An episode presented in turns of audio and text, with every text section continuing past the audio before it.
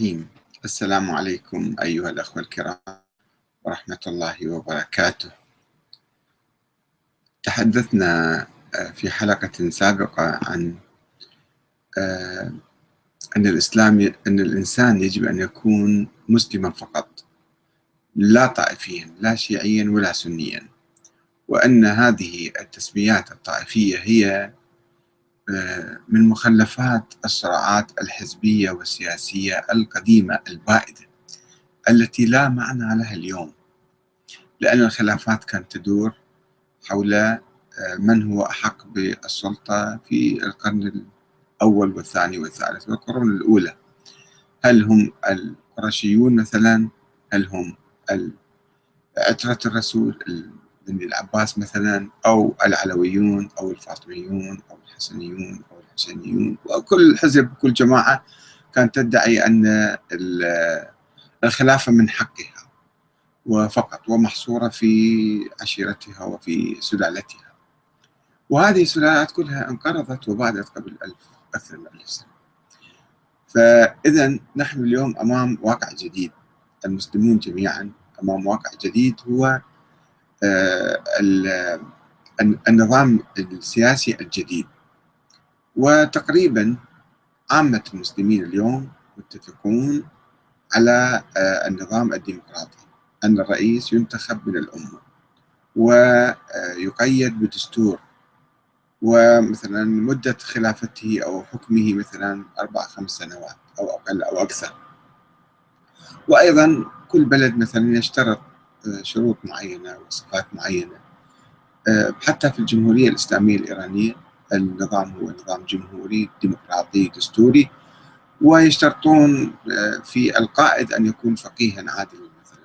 كما يشترطون في رئيس الجمهورية أن يكون كفؤا وعالما ومديرا وإداريا وشجاعا وما إلى ذلك من صفات القيادة. المفروض أن تتوفر في أي واحد يصدر لمنصب قيادي كبير. وأما في البلاد الأخرى فيشترطون الالتزام بالقانون مثلا والعدالة بمفهومه العام أنه ما يعني سارق أو ما ناهب أو ما زاني أو قاتل أو شيء من القبيل. فاذا المسلمون الآن جميعا هم مسلمون فقط. لا لا يمكن أو لا يصح أن نطلق عليهم هذا سني أو هذا شيعي. كل المسلمين الآن في بوتقة واحدة هي بوتقة بوتقة النظام الديمقراطي. ونتيجة الخلافات السياسية القديمة البائدة قال فريق من من الشيعة وهم الإمامية بأن الإمامة بالنص على الإمام علي وعلى من بعده من الأئمة. ولذلك يعني وقفوا موقفا سلبيا من الخلفاء الثلاثة من أن هؤلاء اغتصبوا الحق حق الخلافة من علي طبعا هذا كلام قديم الآن ليس له معنى ولا يمكن أن نعيد عقارب الساعة ونعطي الخلافة الإمام علي من أول يوم بعد. ولكن بقيت هالمخلفات مثل السموم اللي باقية تضر الأمة وتمزق الوحدة الإسلامية وتلقي العداوة والبغضاء بين الناس. لذلك نحن نعود إلى الثقافة الإسلامية والثقافة الشيعية الأولى. نعود إلى التاريخ لكي نرى كيف كان ينظر الإمام علي للبكر وعمر هل كان يعتقد أنهم اغتصبوا الخلافة منه؟ ربما كان يعتبر نفسه أولى منهم مثلا لفترة معينة ولكن بالتالي هو سلم لهم وبايعهم وعاونهم ونصرهم وساعدهم وأصبح نائبا عن عمر مثلا وأركان التيار الشيعي إذا إذا صح التعبير مثل عمار بن ياسر وسلمان الفارسي والمقدار ومالك الأشتر كلهم صاروا نواب وصاروا يعني ولاة في الأقطار وفي إدارة الدولة في زمن عمر. فلذلك يعني ولو إحنا مو بحاجة إلى ذكر هالشيء ولكن حتى نقتلع هذه الأفكار السيئة والسلبية الموروثة عند بعض الناس وبالتالي يتصورون أنه الإمام علي كان عنده عداء مع عمر وعمر كان يعادي الإمام علي وكان بالحرب كأنه وهم الآن يجب أن يدخلوا في هذه الحرب ويتصارعوا مع الآخرين مع من يؤمن بخلافة آه، أو شرعية آه، الخلفاء الراشدين. هنا يعني تحدثنا في هذه الحلقة الحلقة السابقة عن أن أنا مسلم وكفى. ما يحتاج أقول أنا سني أو أنا شيعي. طبعا آيات قرآنية كثيرة تقول رؤوس سماكم المسلمين وفقط ما في إضافة أخرى عن المسلمين. آه الأخ حيدر الوائلي وضع لنا علق على الموضوع وذكر لنا عدة مصادر.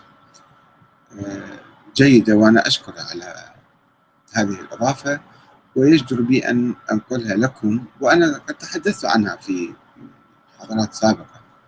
ولكن بهذه المناسبة أنا أنقلها لكم من أجل أن تشيع المحبة بين المسلمين بين جميع المسلمين. فلا يبقى أحد في قلبه غل على أحد أو عداوة على أحد. عداوة وهمية من صراعات وهمية بالتاريخ. يقول الأخ حيدر الوائلي قال الإمام علي عليه السلام بحق عمر بن الخطاب رضي الله عنه لله بلاء عمر فقد قوم الأود وداوى العمل وخلف الفتنة وأقام السنة ذهب نقي الثوب قليل العيب أصاب خيرها وسبق شرها أدى إلى الله طاعته واتقاه بحقه رحل وتركهم في طرق متشعبة لا يهتدي فيها الضال ولا يستيقن المهتدي عن نهج البلاغة لابن أبي الحديد صفحة 350 خطبة رقم 228 وروى ابن أبي الحديد أن عليا والزبير قال إنا نرى أبا بكر أحق الناس بها لأنه صاحب الغار وثانية اثنين وقد أمره الرسول صلى الله عليه وآله بالصلاة وهو حي. في شرح نجي البلاغة جزء واحد 332 ويروي السيد المرتضى علم الهدى وهذا من أقطاب الشيعة في القرن الخامس من مشايخ الطائفة الاثنى عشرية. آه، يقول آه، يروي عن الإمام جعفر الصادق عليه السلام أنه قال أنه كان يتولى أبا بكر وعمر ويأتي القبر قبورهم يعني ويسلم عليهما. مع تسليمه على الرسول صلى الله عليه وسلم في كتاب الشافي صفحة 238 وشرح نهج البلاغة آه، آه، جزء رابع صفحة 140 آه، الأخ أيضا يقول مدح أئمة أهل البيت الخلفاء الراشدين. روى السيد المرتضى عن جعفر الصادق ومحمد الباقر عليهم السلام أن رجلا من قريش جاء أمير المؤمنين فقال سمعتك تقول في الخطبة آنفا اللهم أصلحنا بما أصلحت به الخلفاء الراشدين فمن هم؟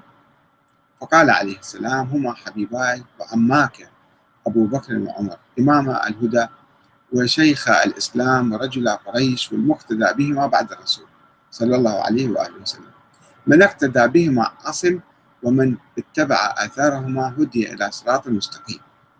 تلخيص الشافي للطوسي الجزء الثاني صفحة 428 ويقول الشيخ محمد حسين كاشف الغطاء عن الإمام علي عليه السلام. وحين رأى الخليفتين بذل أقصى الجهد في نشر كلمة التوحيد وتجهيز الجنود وتوسيع الفتوح ولم يستأثر ولم يستبد بايع وسالم في كتاب أصل الشيعة الاثنى عشرية وأصولها صفحة 123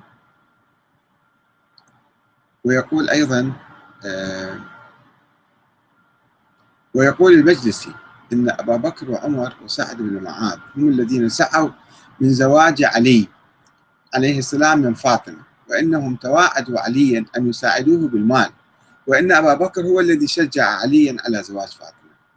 في الكتاب آه، آمالي الطوسي الجزء الأول صفحة 39 وجلاء العيون للمجلسي الجزء الواحد 179 طبع قم ولما غسل عمر أو غسل عمر وكفن دخل علي فقال ما على الأرض أحد أحب إلي أن ألقى الله بصحيفته من هذا المسجى بين أظهركم الشافي للسيد المرتضى. صفحة 171 وتلخيص الشافي للطب للطوسي آه، الجزء الثاني 428 طبع إيران.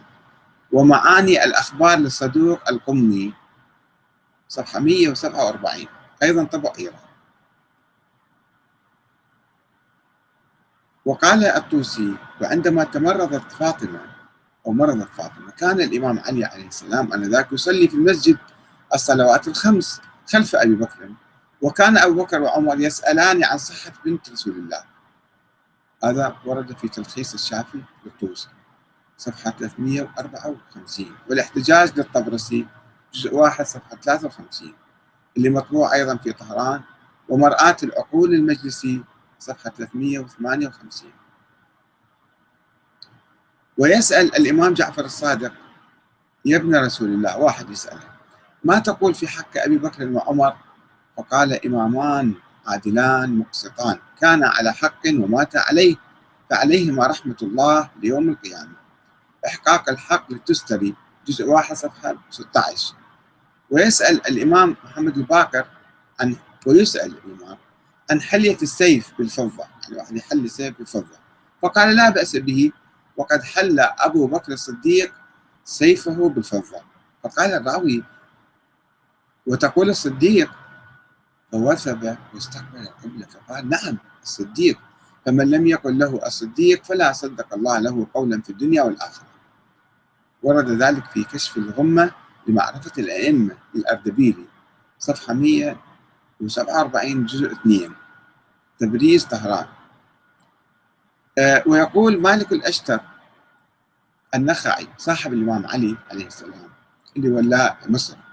يا أيها الناس إن الله تبارك وتعالى بعث فيكم رسوله محمد صلى الله عليه وآله بشيرا ونذيرا وأنزل عليه الكتاب فيه الحلال والحرام والفرائض والسنن ثم قبضه إليه وقد أدى ما كان عليه ثم استخلف على الناس أبو بكر فسار بسيرته واستنى بسنته واستخلف واستخلف أبو بكر عمر فاستنى بمثل تلك السنة. مالك الأشتر خطبة وآراء. صفحة 89 والفتوح لابن أبي القسم أو القسم الشيعي. جزء واحد صفحة 396 يعني ربما بعض الروايات في مصدرها أو في روايتها يمكن واحد يسائل